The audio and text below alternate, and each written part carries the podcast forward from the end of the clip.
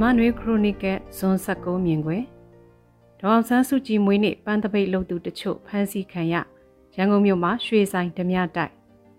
ဇွန်လ19ရက်မှာကြာရောက်တဲ့ဒေါအောင်ဆန်းစုကြည်ရဲ့88နှစ်မြောက်မွေးနေ့ကိုပန်းပန်ချင်းဖျားပန်းတင်ချင်းစတဲ့လှုပ်ရှားမှုတွေလုပ်ဖို့မြို့တွေမှာတပိတ်ဖွဲ့တွေက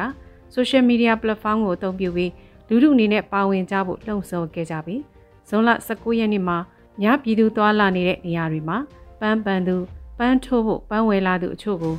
စစ်ကောင်စီတပ်တွေကတပိတ်လှုပ်ရှားမှုမှာပါဝင်သူဆိုတဲ့တန်တရားနဲ့ဖမ်းဆီးခဲ့ကြပါတယ်။ရန်ကုန်မြို့မှာအ ਨੇ ဆုံးလူတရာစင်ကနဲ့စကိုင်းတိုင်းကလေးမြို့မှာအချို့ဖမ်းဆီးခံခဲ့ကြရတယ်လို့သတင်းဖော်ပြမှုတွေအရသိရှိရပါတယ်။ပန်းပန်ယုံမျှသို့မဟုတ်ဗုဒ္ဓဘာသာအရ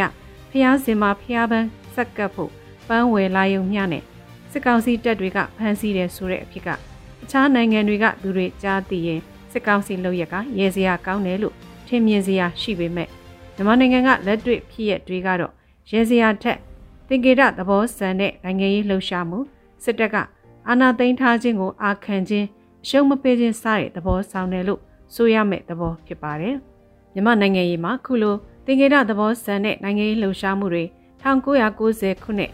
2000ခုနှစ်တွင်မှအများအပြားဖြစ်ပွားခဲ့ပါတယ်။2011ကနေ2020အကုန်ထိက ပွင့်လင်းတဲ့နိုင်ငံရေးစံနဲ့နိုင်ငံရေးလှုပ်ရှားမှုတွေလှုပ်ဆောင်ခွင့်ရှိခဲ့ပြီးဆီယနာသိမ်းလိုက်တဲ့2021ခုနှစ်ကတဖန်အရင်စစ်အစိုးရလက်ထက်ကလို့နိုင်ငံရေးကိုအခြားသောနီလန်းတွေနဲ့ပြန်ဖော်ပြခြင်းဖြင့်စစ်တပ်ကနိုင်ငံရေးမှာပါဝင်ခြင်းနိုင်ငံရေးအာဏာကိုစစ်တပ်ကချုပ်ကင်ခြင်းစေအုပ်ချုပ်ရေးတွေကိုစန့်ကျင်ခြင်းလက်မခံခြင်းကိုပြသကြရပြန်တဲ့သဘောဖြစ်ပါတယ်။2010ခုနှစ်မတိုင်ခင်ကာလတွေမှာ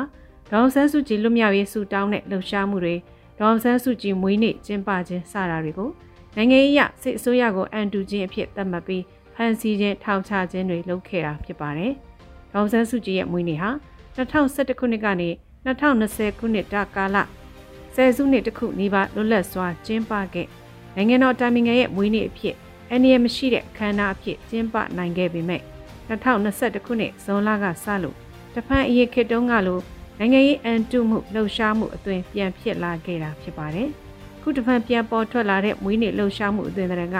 ဒေါန်ဆန်းစုကြည်လွတ်မြောက်ရေးဆိုတဲ့လှုပ်ရှားမှုထက်ဆီယနာသိမ်းမှုနိုင်ငံရေးအာဏာရယူထားမှုကိုစန့်ကျင်တဲ့ရည်တည်ချက်တည်းအဖြစ်မြင်ရတာဖြစ်ပါတယ်။ဒေါန်ဆန်းစုကြည်လွတ်မြောက်ရေးတွေ့ဆုံဆွေးနွေးရေးဆိုတာတွေက2010မတိုင်ခင်ကနိုင်ငံရေးကြွေးကြော်သံတွေဖြစ်ခဲ့ပေမဲ့ခုဒုတိယအကြော့မွေးနေ့လှုပ်ရှားမှုမှာတော့ လူမြောက်ရေးကစီရော်ပေမဲ့တွေ့ဆုံဆွေးနွေးရေးဆိုတော့ကြွေးကြော်သံကမကြားရတော့ပဲဆီယနာရှင်စနစ်လုံးဝဖယ်ရှားရေးစစ်တပ်ကိုပြီးထိုင်တိုက်ထုတ်ရေးဆိုတဲ့ရည်မှန်းချက်ကြွေးကြော်သံတွေသာစီလျော်တဲ့အခြေအနေမျိုးရောက်ရှိနေပြီဖြစ်ပါတယ်။1990 2000ခုနှစ်များနဲ့2021မှဒီဘက်နှစ်တွေရဲ့နိုင်ငံရေးရည်မှန်းချက်လှုပ်ရှားမှုတွေဟာ2010မတိုင်ခင်ကရည်မှန်းချက်တွေနဲ့များစွာခြားနာခဲ့ပြီးဖြစ်ပါတော့တယ်။ဂျပန်ခေတ်မှာဂျပန်ကိုတော်လှန်နေကြတယ်လို့မျိုး အခုမြန်မာပြည်သူတွေရဲ့စစ်ကောင်စီကိုစန့်ကျင်မှုကပြင်းထန်တယ်လို့ဆိုနိုင်ပါတယ်။ဒီနေ့ဖို့ခြားသတင်းတစ်ပုဒ်ကတော့ရန်ကုန်မြို့မြောက်ကလာမြို့နယ်တဲကလူစီကားရရက်ကွက်လမ်းပေါ်ကရွှေဆိုင်ဒီဇိုင်းကိုမွန်လွဲပိုင်းမှာလက်နက်ကင်ဆောင်ထားသူတွေကဓမြတိုက်ခဲ့တဲ့အဖြစ်အပျက်ပဲဖြစ်ပါတယ်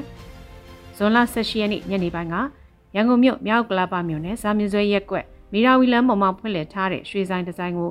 တနက်ကင်ဆောင်ထားတဲ့သူအချို့ကစိုက်ကဲနဲ့လာရောက်ကဓမြတိုက်ခဲ့တာဖြစ်ပါတယ်။ ရွှေဆိုင်ကအထွတ်မှလုံခြုံရေးကဖမ်းဆီးဖို့ကြိုးစားခဲ့ပြီးပြင်မာစောင့်နေတဲ့သူကရွှေတယ်တွေယူဆောင်ပြီးထွက်ပြေးဖို့လှုပ်ဆောင်နေသူတွေကို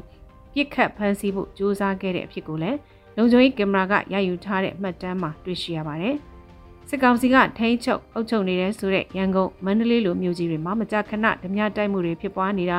လူရဲမှုတပ်ဖြတ်မှုတွေဖြစ်ပွားနေတာဟာတစ်ဖက်ကကြည့်ရင်တနက်လိုလက်နက်တွေလွယ်တကူဝယ်ယူရနိုင်တာကြောင့်လို့ဆိုနိုင်ပေမဲ့ တစ်ဖက်မှာပြည်သူတွေရဲ့ပူးပေါင်းပါဝင်မှုမရှိဘဲနဲ့တရားဥပဒေစိုးမိုးရေးကိုလှုပ်ဆောင်လို့မရတာကိုသက်သေပြနေတယ်လို့ဖြစ်ပြီးတပြိုင်နက်တည်းမှာပြည်သူလူထုအနေနဲ့လည်းအခုလိုတရားဥပဒေမစိုးမိုးမှုတန်ရောနိုင်ငံရေးအဖိနှိပ်ဖမ်းဆီးမှုတန်ကိုခံစားနေကြရတာဖြစ်ပါတယ်။ခုလိုရွှေဆိုင်ဓမြတိုက်တာဗန်ဓမြတိုက်တာတွေပြီးခဲ့တဲ့နှစ်နှစ်ကျော်ကာလအတွင်းရန်ကုန်မြို့မန္တလေးမြို့မုံရွာတို့မှာအများပြားဖြစ်ပွားခဲ့တာဖြစ်ပါတယ်။ဓမြတိုက်သူတွေကိုဖမ်းဆီးရမိတယ်လို့စစ်ကောင်စီကကြေညာတာတွေရှိတယ်လို့ ဖမ်းဆီးနိုင်ခြင်းမရှိတဲ့အဖြစ်အပျက်လည်းအများပြားရှိတာတွေ့ရမှာပါ။ဖမ်းဆီးခံရသူတွေဟာမှန်တကယ်ကျူးလွန်သူတွေလားနိုင်ငံရေးအသုံးချဖို့အတွက်တစားကန်လုပ်ပြီးလက်သေးရှာထဲ့တာမျိုးလားဆိုတာရှင်းရှင်းလင်းလင်းမသိရှိနိုင်ပါဘူးခုလိုသတင်းအချက်လက်တွေအတီးပြုတ်ဖို့ခက်ခဲတဲ့ကာလမှာစစစ်ကောင်စီအနေနဲ့တရားဥပဒေမစိုးမိုးမှုတွေကတစ်ဖက်မှာစစ်ကောင်စီအနေနဲ့ကောင်းမွန်စွာမအုပ်ချုပ်နိုင်ဘူးဆိုတာကိုသက်သေပြတယ်လို့ဖြစ်စေပေမဲ့တစ်ဖက်မှာလူလူအနေနဲ့ရာဇဝမှုများပြားလာတဲ့အခါ အုပ်ချုပ်သူလက်နက်ကိုင်အဖွဲ့သားလျင်အားကိုးရာဆိုတဲ့ယုတ်တိတစ်ခုကိုထည့်သွင်းသလားဆိုတာတိတိကျကျပြောဖို့ခက်တဲ့အနေအထားလဲဖြစ်ပါတယ်ရှင်။